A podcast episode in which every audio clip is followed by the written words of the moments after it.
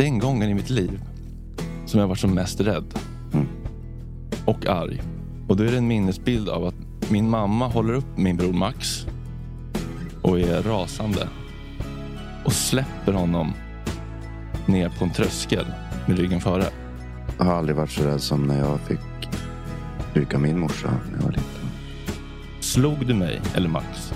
Eller förekom det något form av fysiskt våld? Och om du ljuger nu så kommer jag aldrig mer prata med dig. Tänk efter! Innan du svarar! Och varför är du alltid offret pappa? Hur fan kan det alltid vara du som är offret? Alltså, Jag hade kunnat eh, Mm. döda henne.